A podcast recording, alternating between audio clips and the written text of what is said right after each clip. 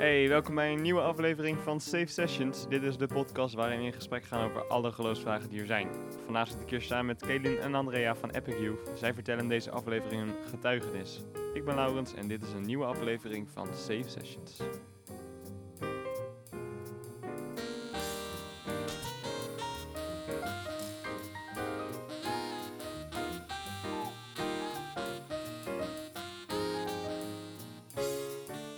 Hey, eh, ja, leuk dat jullie luisteren. Ik zit hier vandaag met uh, Kaelin en Andrea. Welkom, leuk dat jullie zijn gekomen. Ja, dankjewel. dankjewel. dankjewel. Ehm, we gaan vandaag een eh, gesprek hebben over wat eh, jullie eh, hebben meegemaakt en eh, ja, hoe dat is voor jullie is geweest. Nou, daarover straks nog meer. Eerst willen we natuurlijk een beetje weten wie zijn jullie. Ja. Dus eh, daarom hebben wij de safe questions zoals elke aflevering. En de safe questions zijn voor vandaag. Waar zijn je vrienden mee omschrijven? Ja, voor mij ehm, zou ik omschreven worden als een heel amicaal, vrolijk persoon. Ja. Die eh, ja, altijd wel eh, aan het lachen is en eh, altijd wel lekker aanwezig is. Ja. Ja, ik denk voor mij ook gewoon vrolijk of zo, denk ik. Ja. Wat zou je nog heel graag in je leven willen doen? ja, voor mezelf. Ik ben vorig jaar ehm, naar Spanje geweest en ik heb daar eh, een paar weken mogen werken. Ja, en dat zou ik nog heel graag in, eh, in het buitenland verder willen doen. Ja. Wat voor werk was dat? Het was een vrijwilligerswerk in een christelijke organisatie in een soort hostel. Langs de pelgrimsroute de, de Camino. En ehm, ja, dat was waanzinnig. Ja. Gaaf, gaaf. Ja. En jij Andrea? Ja, ehm, nou, ik ben verpleegkundige en ik zou heel graag ehm, ook in het buitenland, vooral Afrika, iets van vrijwilligerswerk willen doen of zo. Als verpleegkundige. Allebei wel een beetje in dezelfde richting. Ja, dus, ja, eh, klopt. oh, ja, ja. En eh, ook hebben we jullie gevraagd om allebei een nummer uit te kiezen voor de Safe Sessions eh, playlist. Ja, Eh, Andrea, laten we met jou beginnen. Welk nummer heb jij eh, uitgekozen? volgens mij You Make Me Brave van Amanda Cook. Ehm, Waarom dat nummer? Ehm, nou, ik heb zelf eh, in het verleden best wel geworsteld met zelfvertrouwen. En eh, ja, in dat nummer dan, eh, weet je wel, alle kracht en eh, zelfvertrouwen wordt daarin teruggezongen of zo. Ehm, en de bron daarvan is God. En dat wordt heel erg benadrukt. En dat is voor mij gewoon heel erg belangrijk. Luister je zelf veel muziek? Ja, ja, ja. Wat, eh, wat, eh, waarom luister je veel muziek? Ehm, omdat ik ervan hou. Ehm, en ja, het is, ja, ik geloof een vorm van aanbidding aan God. Dus dat vind ik ook gewoon belangrijk en mooi. Ja. En eh Kaden, welk nummer heb jij uitgezocht? Ik heb een nummer van eh, Maverick City uitgekozen. My Heart, Your Home.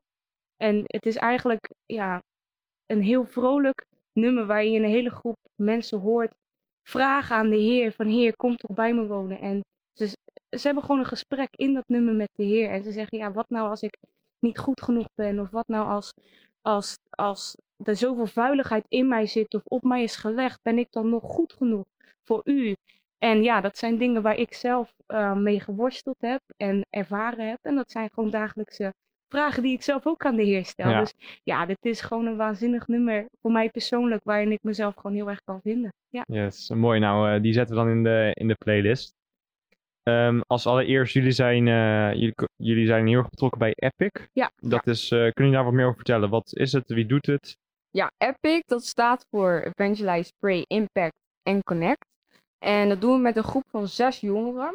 En eh EPIC is gevormd vanuit twee gemeentes. Vanuit Mijn Lord en Savior in Capelle aan de IJssel. En New Steps in Krimpen aan de IJssel. En eh, ja, wij, willen zeg maar een handuitreiking doen aan andere jongeren. Om eh, samen na te denken en te gaan kijken van ja, waarom zijn we eigenlijk hier op aarde? Weet je wel, wat is ons doel in het leven?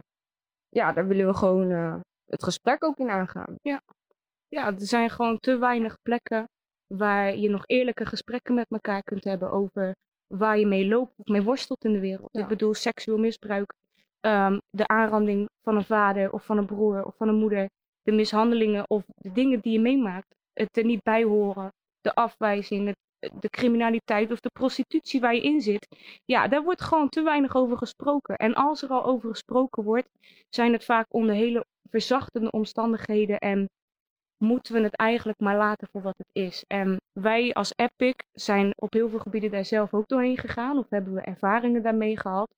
En daaruit willen we gewoon de mensen de kans geven om wel die smerigheid aan te kunnen gaan met elkaar. Omdat het niet in ons hoort, dus het mag er ook uitkomen. En Ja. dat is soms best confronterend, maar wel bevrijdend en wel Ja. helend. Ja. En hoe zorgen jullie dat het een veilige omgeving is? Ehm, nou ja, wij zorgen altijd wel dat de mensen ja, zien dat wij zijn zoals we zijn. We doen het niet. Ja, we kunnen niet onszelf beter voordoen dan dat we zijn. En Ja. dat willen we ook zeker niet. Dus daarin nodigen we de mensen altijd uit. En weet je wel, laten we ze altijd eerst kennis maken met ons. En proberen we echt te voelen en, en gewoon een gesprek aan te gaan. Van hoi, nou ja, ik ben Caitlin, weet je wel. En wie ben jij? En ja, zo gaat dat vaak wel eh, goed tot stand komen, zeg maar. Ja. Merken jullie nu al dat het, want jullie zijn nog niet heel lang bezig volgens mij. Nee, klopt. Hoe lang eh, zijn jullie Sinds bezig? januari zijn we begonnen. Ja. ja. Merken jullie nu al dat jullie veel hebben kunnen doen voor de mensen die langskomen? Ja, eigenlijk wel. Ehm, we hebben natuurlijk nu door de corona dat we veel eh, online doen. Ja. Maar toch horen we wel veel positiviteit terug. En dat is voor mij was dat best wel verbazingwekkend. Want soms dan denk je van ja, weet je, ik heb nog niet echt nieuwe mensen gezien, echt daadwerkelijk in de kerk fysiek. Maar wel gewoon online. En het is echt wel leuk om dat eh, te horen. Ja, ja de mensen, wat, je, wat er gebeurt, is. Het woord van God is gewoon levend en het is krachtig. En wanneer je daar staat en je durft dat soort gesprekken met de mensen aan te gaan, of het te laten zien. Want we zijn met zes man, dus we beelden het ook graag uit. Soms heb je visueel beeld nodig om te laten zien, om beter te begrijpen wat er, wat er speelt. Of om het onderwerp beter aan te duiden. En dat komt gewoon soms heel hard binnen. Dus ja, je ziet gewoon de genezing in de zaal bij de mensen. Ze worden geraakt, ze worden getriggerd. Ja, dat is, dat is al pure winst op zichzelf. Ja, dat is Ja. heel mooi om te zien lijkt me zo. eh. Ja, zeker weten. Zeker weten, ja. Eh, Andrea, jij hebt zelf ook eh, heel wat meegemaakt en eh, wilde ook een, eh, wat over vertellen. ja, Hoe was jouw relatie met God in je jeugd? Nou, ik ben eh, opgegroeid in een christelijk gezin. Dus ik wist eigenlijk niet beter dan dat God bestond. En eh, ja, dat is er met een paplepel zeg maar ingegoten. Dat, eh, ja, dat was gewoon een feit. Dat was gewoon zo. Dus daar heb ik nooit over getwijfeld. Eh, dus eigenlijk, ik heb een hele geweldige jeugd gehad. Warm gezin. Dus ja, ik, ja. qua opgroeien, als in eh, toen ik klein was, het is wel echt een mooie periode om op terug te kijken. Waar God ook wel echt sterk aanwezig was in mijn leven. Dat, dat, je ziet dat nu, heb je dat toen op die tijd zelf ook ervaren? Of Ja, toen ik heel klein was, ik weet wel dat ik altijd heel vrolijk ben geweest. En ja, van mijn ouders hoor ik dan wel van eh, ja, bidden en zo, dat deed ik graag. En zingen deed ik graag. En het waren meestal christelijke liedjes. Dus eh, ja, ja, ik denk dat ik het toen wel ervaarde, ja. jij bent eh, na je middelbare school naar het mbo gegaan. Ja, Hoe was dat voor je? Ja, nou, ja, ik was dus in een veilige omgeving opgegroeid. En ehm, christelijk. En eh, in het mbo, daar, daar kwam ik echt, zeg maar, daar zag ik het wereld voor wat het was. En het was niet meer veilig en, en, en fijn en leuk. En als ik dan hulp nodig heb, dat iemand me helpt. Maar ja, gewoon hard. De wereld is hard. Dus dat was wat ik, ging, wat ik zag. En ehm, dat was moeilijk voor mij om eh, ja, daarmee om te gaan. En eh, op een gegeven moment moest ik stage lopen voor een verpleegkundige opleiding die ik deed. En daarin, ja, ik had daar geen acceptatie. Ik ehm, had het idee dat ik het niet kon. Ik had het idee dat ik faalde in alles wat ik deed, omdat ik niet de begeleiding kreeg die ik nodig had, die ik wel gewend was. En ik begon in allemaal leugens te geloven. En ja, dat was voor mij echt heel moeilijk. Ja. Hoe heeft dat invloed gehad op je relatie met God? Ehm, ja, uiteindelijk ben ik echt teruggegaan naar God.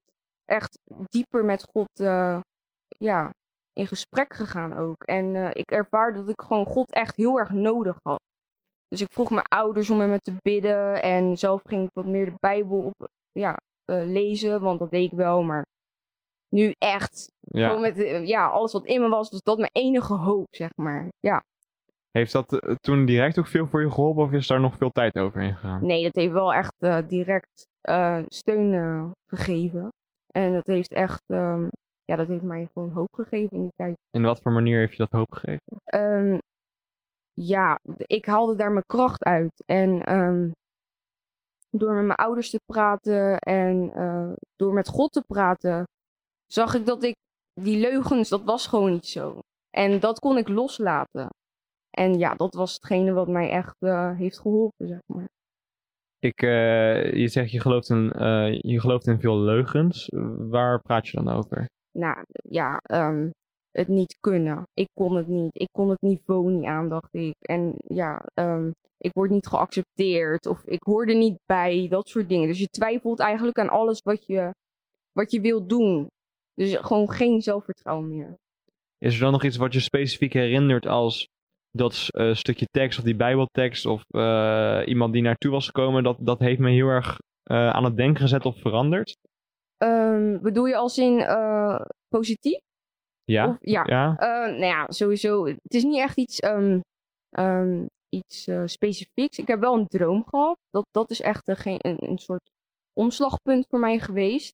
Waarin ik mezelf in de woestijn zag liggen. En op een gegeven moment kwam er echt een super harde wind. En ik schrok ervan, want ik voelde hem ook echt. En ik dacht echt, wat is dit? Dus ik werd wakker. En ik bad ervoor. En ik vroeg, heer, is dit van u? Ja of nee? En op een gegeven moment viel ik weer slaap. En toen was die wind nog harder. Dus ik waaide bijna mijn bed uit. Het is echt bizar, maar het is zo. En eh, ja, op dat moment hoorde ik ook mensen in tongen spreken. En dat was echt, eh, ja, toen ik wakker werd, dat was echt alsof alle ellende en zo, dat was gewoon van me afgewaaid. Ja, gewoon weggeblazen. Mooi, ja. Als je dan kijkt naar, ehm, dat heeft dus echt best wel veel met je gedaan zo te horen. ja, zeker. Ehm, als je dan kijkt naar hoe je daarna was en hoe je daarvoor was, wat is dan het belangrijkste verschil wat je ziet? ja, dat eh, God is nu echt in alles mijn hoop, mijn, mijn, mijn sterkte. Waar ik, waar ik zwak ben, daar is hij sterk. En eh, ja, het is mijn kracht. Alle, ik ben gewoon afhankelijk van God. Nu, in echt alles. ja. Mooi. Ja. Mooi. Ehm, wat heeft dat, eh, daarna ben je dus meer bezig, ge- of tenminste heb je hem bezig gevoeld. Je hebt meer je hoop erin gezet, je hebt meer je vertrouwen eh, in God gezet. Ja. Wat heeft dat betekend voor, want was je, toen was je nog niet betrokken bij Epic. Nee, Eh, want nee. toen was het volgens denk ik niet eens. Nee, of- helemaal niet. Nee. Eh, hoe ben je bij Epic zelf terechtgekomen dan? Nou, ehm, mijn moeder is voorganger. Ja, mijn ouders zijn voorgangers. Mhm. En ehm, die kwamen in contact met de voorganger van eh My Lord and Savior, Pastor Tim. En ehm, ja, vanaf het begin van dit jaar hadden ze eigenlijk beide een visie ehm, voor jeugd ook. En ja, ik geloof, God heeft dat gewoon zo georganiseerd. En ehm, ja, zo is eigenlijk heel Epic ook tot stand gekomen. Wij zijn bij elkaar gekomen. Met oud en nieuw begon het eigenlijk al. En toen kreeg ik te horen van ja, we gaan jeugddienst organiseren. En eh, zo is dat een beetje in werking gezet. We moesten een naam verzinnen. Nou, ik weet niet, volgens mij eh, geen idee. Volgens mij kwam Caitlin ermee met. Epic. En we waren allemaal van ja, dat, dat gaat het worden. En alles is gewoon eigenlijk heel vloeiend zo gaan lopen. Ja. Als in ja, de vorming van Epic. Wat heeft het voor jou zelf persoonlijk, wat is, ehm, wat is voor jou zelf persoonlijk de eh, motivatie geweest om aan eh, Epic mee te doen? Ehm, nou ja, ik merk gewoon, ik merkte sowieso al dat ik eh, eh, zag dat er veel mensen zijn met een hoop ellende. Maar dat niet alleen gewoon zoekende naar iets. En ik geloof zelf dat een ieder in zich een bepaald stukje mist als je God niet hebt. En dat je daarnaar op zoek zult gaan. En soms dan gaat dat de goede kant op. En soms zoek je dat in hele andere dingen en kan je dat verwarren of denken dat je dan God hebt. Maar dan blijft denk ik die, ehm, dat stukje blijft toch een soort van aan je knagen. En ja, ik wilde daar echt iets mee doen. Ik wilde mensen vertellen over, ja, ik, ik weet dat dit is wat je mist. Weet je, als je dit hebt, dan hoef je niet meer te zoeken. Dan is dat is wat je nodig hebt. Ja, dus daarom ja, vond ik het belangrijk om dit te doen. Ja, ja, snap ik. Eh, mooi om zo te horen. We zitten hier ook met Caitlin. Yes. Ben je ook geloof ik opgegroeid? Nou, in die zin gelovig opgevoed dat ik eh, dacht dat ik zelf God was. En eh, ja, dat alles kon wat ik wilde doen als het maar goed, fijn of lekker was. Ja. Weet je ook waarom dat eh, gevoel er was? Ehm, ja, mijn ouders die zijn heel vrij in alles wat ze hebben en geloven en doen. En ja, daarin ben ik gewoon opgegroeid. Dus ja, echt God en Jezus, ja, die kende ik niet. Die kende ik op Pasen. Als een hele koude, afstandelijke, boos iemand die dan zijn zoon maar naar de aarde Hm. stuurt. En eh, ja, hij hing aan het kruis bij mijn moeder boven de deur. Dat was voor mij God. Andrea vertelde dat ze best wel een, een eh, plezierige jeugd heeft gehad. Dat ze daar echt met een glimlach op Ja. terugkijkt. Ja. Hoe is dat bij jou het geval? nou ja, bij mij is dat eh, wel iets anders geweest. Ik kom uit een heel instabiel gezin. Waarin eh, ja, alle drank, alle drugs, alle seks, alle prostitutie allemaal gewoon maar normaal was bij ons. En ehm, daarin ben ik opgevoed. Daarin heb ik zelf ook een hele hoop dingen meegemaakt. En ik ben dat zelf op een gegeven moment ook gaan doen. Eh, nu ben je wel betrokken bij, eh, met God. Hoe ben je daar terechtgekomen? Ja, op een gegeven moment. ehm, ik heb een paar negatieve relaties gehad. En die gingen op een gegeven moment uit. Ik eh, heb heel veel. ehm, nou, ik heb wat drugs gebruikt in mijn leven. en ehm, op een gegeven moment, ik heb een tweelingzus. En die heeft eh, in 2011 of 2012, denk ik, eh, is ze naar een afkeerkliniek gegaan. En daar heeft ze een jongen leren kennen. Nou, die hebben uiteindelijk een eigen huis gekregen. En ik woonde nog bij mijn moeder thuis. En die zeggen, joh, waarom kom je niet bij ons wonen, weet je wel? Dus ik zeg, nou, dat is goed. En eh, we gaan lekker iets vieren. En eh, we gaan gewoon lekker ons ding doen. Nou, zo gezegd, zo gedaan. Dat hebben we een maand volgehouden. Want ik, eh, hun hebben een terugval gekregen. Ik was niet eens afgekikt. En ik ben een affaire begonnen met die vriend van mijn zus toen. Maar hij kreeg ambulante zorg bij een organisatie, Jeugd Plus Jeugd. En de directeur daarvan is Tim Rietveld en zijn vrouw Karen Rietveld. En ehm, daar had ik een paar keer contact mee gekregen. Ik was een paar keer daarheen gegaan en hun hebben daar meetings die ze daar organiseerden. Ja, waar in één keer de rauwe waarheid voor je neus geschoten wordt. Zodat je ja, inzicht krijgt in wie je bent of waar je mee bezig bent. Of ja, dat eigenlijk de dingen die je als normaal beschouwt, misschien wel helemaal niet zo normaal zijn als dat je denkt. En ehm, nou ja, toen dat dus gebeurd was, ah, had ik best mijn ramen eigenlijk zelf een beetje ingegooid. Dus ik kon niet echt eh, een kam meer op. Dus ik had pas Tim een berichtje gestuurd van joh, ik weet het niet meer. Ik weet niet meer wat ik moet doen. En hij zegt, nou ja, kom maar een keertje op de koffie. en ik ben op de koffie gegaan. En ehm, ja, je komt daar en je vertelt je verhaal. En hij luistert en hij durfde gewoon de antwoorden te geven die ik nodig had om te horen op dat moment. En hij zegt, joh Kate, wat heb je nou te verliezen in je leven om een keer iets anders te proberen? En ik zeg, ja, ik heb al niks meer. Dus waarom niet? En dat was zo confronterend, maar tegelijkertijd zo bevrijdend, dat ik denk ik de dagen daarna een keer mee ben geweest naar de kerk. En ja, die ervaring was zo overweldigend, zo liefdevol, ja, dat ik nooit meer ben weggegaan. En een, ja, Wat, eh, wat trok je het meest aan bij de kerk? Wat was voor jou het echt ding van wow, dat dit is anders? Nou, wat ik. ehm, ik heb veel ervaringen gehad met heel veel zorginstanties. Heel veel mensen die me altijd wel wilden helpen met gesprekken voeren. En, maar nooit is er iemand geweest die eerlijk was. En de smerige dingen die ik deed, of die mij zijn overkomen, durfde aan te knopen. En ja, dat ervaar je gewoon. Dat, en dat voel je aan de mens. En dat was zo rauw, zo eerlijk ja, dat ik me daar, ondanks dat het gevoelsmatig heel onveilig is, want je wordt echt uit je comfortzone getrokken, wel de meest veilige plek was die ik eh, ja, tot nu toe tegenkwam of gevonden heb. Of, ja. Eh, je, je vertelde dat eh, je, je zei dat je eigenlijk niks te verliezen had. Ja. Waarom voelde dat zo? Wat, hoe kwam dat? Nou ja, hoe dat kwam, ja. Je, ehm,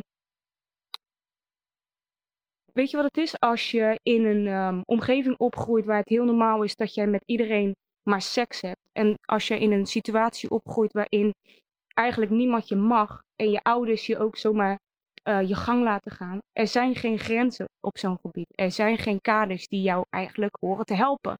Dus je zelfwaarde heb je niet. Zelfliefde heb je niet. En je, dat kreeg je ook nooit terug. Want je bent zo als mens zo afhankelijk of zo op zoek naar erkenning en naar liefde. Dat is het fundament van je hele bestaan. En als je dat dan niet hebt of als je dat dan mist, in zekere zin, ja, wat heb je dan nog voor jezelf? Wat ben je dan? Nou, dat, dat weet je niet. Dus ik ging het zoeken ehm, in eh, de gothic scene. Ik had heel veel piercings en ik heb tattoos laten zetten. En ik liep erbij als een eh, nou, best duister figuur. Terwijl ik eigenlijk dat van binnen niet ben. Maar daar voelde ik mij op dat moment wel veilig. En eh, daar soorten mate ja, erkenden ze me wel. En eh, ja, dacht ik dat ik dat was. Ja. Wat deed je ook weer binnen Epic? Ehm, ik ben net als Andrea gewoon een, een lid van Epic zelf. En ja, we, we, we doen het eigenlijk allemaal met elkaar. Dus er zijn niet echt dingen dat je zegt, nou, ik doe dit. Ik heb wel bijvoorbeeld met Andrea dat we ja, een, een poëtische boodschap altijd mee willen geven. En daar houden we van. Dan pakken we een mooi stuk woord met zang of gewoon met spraak op een hele creatieve manier. Dat we dat willen uitdragen ter ere glorie van ja, zijn naam. En ja, dat, dat is wat wij doen. Dat is wat ik doe. En eh, ja, Stel voor, jij zegt eh, bijvoorbeeld dat je best wel eh, duister ook gekleed was. En hoe is het nu voor jou om bijvoorbeeld andere mensen te zien die ook zo nu zijn? die nu tegen Gothic aanzitten? Of, eh, ja, omdat je weet hoe het voelt om zo erbij te lopen, kan je heel gauw zien waar iemand zich bevindt, mentaal. En natuurlijk weet je, en bij de ene is dat misschien wel zo, en de andere vinden het misschien gewoon een mooie of een fijne levensstijl. En, maar mee dat je in gesprek raakt met dat soort mensen, ja, je spreekt de taal, je bent erin opgegroeid, dus het is zo makkelijk om die connectie weer op te pakken. Ja, dat is. eh, ja. Heb je het idee dat je die mensen nu ook beter kan helpen omdat je in diezelfde situatie hebt gezeten of er meer van af weet? Nou, ik zelf kan niks. Ik zelf ben niet in staat om wie dan ook te helpen. Maar ik heb wel de ervaring van de Heer mogen krijgen om te weten waar ze zich soms bevinden. Of wat voor pijnen of de manier hoe ze zich daarin uiten. Ja, dat, dat is wel dingen waar je dan een gesprek op aan kan knopen. En kan zeggen, joh, het hoeft eigenlijk ook niet. En ja, misschien heb je wel gewoon een keus. Mooi. Ja, Wat is het belangrijkste wat je zou willen meegeven aan, eh, stel voor dat je nu tegen jezelf zou moeten praten als je eh, in die oude situatie zit, waar je nu dus nu niet meer in zit. Eh, wat zou je dan tegen jezelf willen zeggen? Wat, wat is denk je iets wat jij echt eh, hebt gemist toen? wat ik ehm, gehoord heb, ook de eerste keer in het gesprek met Pastor Tim en zijn vrouw erbij, heb ik gehoord dat het niet meer hoeft.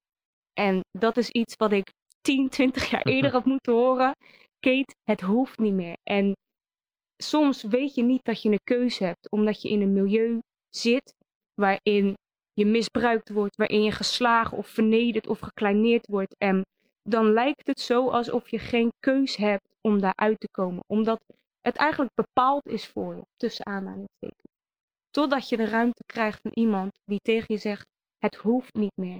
Je hebt een keus. Het stopt als je dat wilt, vandaag. En ja, dat is echt wat ik mee wil geven aan, aan, aan mezelf of aan ieder die daar nog in zit. Weet je wel, we hebben een keus en je bent het zo waard om, om überhaupt voor jezelf te mogen ontdekken wie je dan wilt zijn en wie je mag zijn en waarom je hier überhaupt bent. Ja, Als je nu terugkijkt naar, ehm, zeg maar, vanaf het punt dat God eigenlijk in jouw leven is gaan werken. Dus Ja. eh, ik denk dat het een beetje is vanaf, hij heeft sowieso altijd al met jou eh, erbij gezeten, maar eh, vanaf het moment dat, dat je echt aan het werken bent eh, met hem, dus dat denk ik dat het een beetje is toen je dat kopje koffie en dat dat, dat een beetje echt de start is geweest van het nieuwe, nieuwe begin.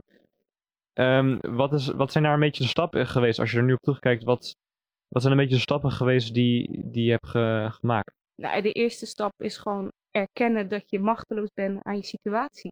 Dat is de allereerste stap om te erkennen dat je zegt, ja, ik weet het gewoon niet. Help. En dat is voor mij echt ja, de eerste stap geweest die ik heb moeten nemen. Want als je het al niet eens ziet voor jezelf, ja, dan kom je ook niet verder. Dus dat was voor mij een punt. En daarna ben ik dag in dag uit me heel dicht op gaan trekken aan de leiders en van de gemeente. Ik ben samen met hun in het woord van God gegaan om te gaan ontdekken wie ik ben, waarom de dingen zijn gebeurd zoals ze zijn gebeurd en of dat überhaupt wel de, überhaupt de bedoeling was. en weet je wel wat God daar dan van te zeggen heeft? Want ja, als Hij mij heeft gemaakt, als Hij ons heeft gemaakt, hoe kan het dan zijn dat dit is gebeurd? En ja, weet je, dat is een proces. En vijf jaar, ik ben nu vijf jaar verder. En door intensieve trainingen, door intensieve rauwe meetings, door alle vuiligheid te leren, durven uitspreken. Ja, kan je de boosheid, de bitterheid die je hebt, de haat naar je familie of naar je ouders toe, naar je vader of naar je broer, dat, dat, dat kan je in één keer, niet in één keer, maar dat is een proces waarin je dat durft los te laten. waar- waarin je kan leren houden van jezelf en van de mensen om je heen. En ja, Hoe, eh, hoe sta je er nu in? Hoe sta je nu in, in het leven? In, eh, hoe, is- hoe is nu je situatie? nou, positief. Ik heb ehm, mijn school voor die zin heb ik af kunnen maken. Ik werk nu fulltime. En ehm, ja, ik sta positief in het leven. Ik durf voor de eerste keer eigen keuzes te maken in wat ik wel en wat ik niet wil. Ook al heb ik misschien geen flauw idee wat het is. Hm. Het zijn wel mijn eigen keuzes. En dat is gewoon enorm belangrijk voor, ja, voor mezelf. Om te kunnen groeien, om te ontdekken wie ik ben en wie ik wil zijn. En ja, ik ben vorig jaar ben ik voor het eerst eh, ben ik een maand ben ik in mijn eentje naar Spanje gegaan. Nou, dat is Hm. allicht al een hele, ja, hè, dat was echt een overwinning. Dus ja, ik zit volop in mijn, in mijn groei. En ja, daar ben ik gewoon super dankbaar, super blij voor. Ja, Waarom was dat echt een overwinning voor je? ja, überhaupt omdat je gewoon iets met jezelf gaat ondernemen. Iemand die je jezelf hebt afgewezen. En altijd zo afhankelijk bent geweest en gemaakt bent naar andere mensen. Op zoek naar liefde of erkenning. Ja, als je dat een keer aan jezelf terug mag geven, is dat enorm waardevol. Als je tot dat punt kan komen. Wat, eh, wat zou het grootste verschil zijn eh, voor jou persoonlijk met hoe je er nu bij zit en eh, in je oude situatie? Nou, ik denk als ik nu nog in mijn oude situatie had gezeten, ja, dan had ik hier überhaupt niet eens gezeten. En ja, het is, het is een, een keus van leven of dood. Dat zo radicaal, zo eerlijk moet ik hem stellen. Als ik het niet had gedaan, ja, dan was het alleen maar slechter geweest. En omdat de situatie waarin ik zat niet beter werd. Omdat, ja, dat is, ja. Wat is, denk je, het belangrijkste wat jezelf. s- stel voor je raakt met iemand in gesprek. En wat is dan echt het belangrijkste wat je mee wil geven aan iemand die, nou ja, of in zo'n situatie zit, of die u sowieso God niet kent, die misschien niet in een situatie zit. Wat is echt, wat zeg je, dit is echt de kern van, eh, dit zou ik mee willen geven. het feit dat allereerst God begint door te erkennen dat jij bent wie je bent. En dat Hij ziet wat er in ons hart zit. Wij kunnen heel veel dingen vertellen, wij kunnen ons best doen om er mooi of goed verzorgd uit te zien, terwijl het van binnen helemaal niet hoeft te zijn. En alleen God en jij weet dat. En soms raak je met mensen in gesprek waarin je in het eerste opzicht niet zoiets heel vreemds zou zien aan de mens. En daarin wil ik ook nooit oordelen. Maar als je al niet de erkenning krijgt van degene die jou gemaakt hebt, dat je een gebroken hart hebt of dat je ja, gewoon bent wie je bent. In al je onzekerheid misschien wel, of in je boosheid, of in je. Ja, dat, die erkenning kan soms zo doorslaggevend zijn voor de mens. Als ik daar zelf al zoveel aan heb gehad, ja. Mooi. Jullie eh, zijn zelf eh, beide actief bij Epic. Ehm, vertel, wat is, stel voor mensen willen hier meer van weten. Ehm, wat kunnen ze doen? We hebben een Facebook eh, pagina, Ja. sowieso. En dat is Epic Youth. Ehm, en op de website van My Lord and Savior staat Epic ook. New Steps weet ik niet. Maar New Steps heeft wel een, eh, een, eh, een website ook die je kan bezoeken. Uh, newsteps.org en My Lord and Savior. Ja, .nl. .nl. Ja. En daar kan je sowieso informatie over Epic vinden. Ja. ja. Ja, wij zijn zelf zijn we zes, zeven dagen per week in de kerk aanwezig. We hebben daar meetings, we hebben daar theatersessies, we hebben daar bijbelstudies en erediensten. Dus we zijn er altijd. Dus ja, als mensen ons nodig hebben, de, de gegevens staan op de website. En weet je wel, schik niet om gewoon een keer binnen te stappen. Ja. ja. En ook onze voorgangers en leiders die staan ook klaar om eh, eh, mensen op te vangen als het wat lastiger of wat heftiger is. eh, ja. Om met gewoon jeugd te, sp- te spreken. Dan is er altijd ook iemand die gewoon echt volwassen is in het geloof en die daarbij kan ondersteunen. Ja. En eh, Mooi. Nou, heel erg bedankt dat jullie eh, hier zijn geweest. En mo- allebei een eh, mooi verhaal. Ik hoop dat jullie ook echt iets hebben kunnen doen met de luisteraars. Als je er nou nog reacties op hebt, eh, stuur dan eh, vooral even door via onze social media kanalen. Dan, eh, we zijn heel erg benieuwd naar eh, jullie reacties. Heel erg bedankt en Ja. dan eh, tot de volgende aflevering. graag gedaan. Yes. Dankjewel.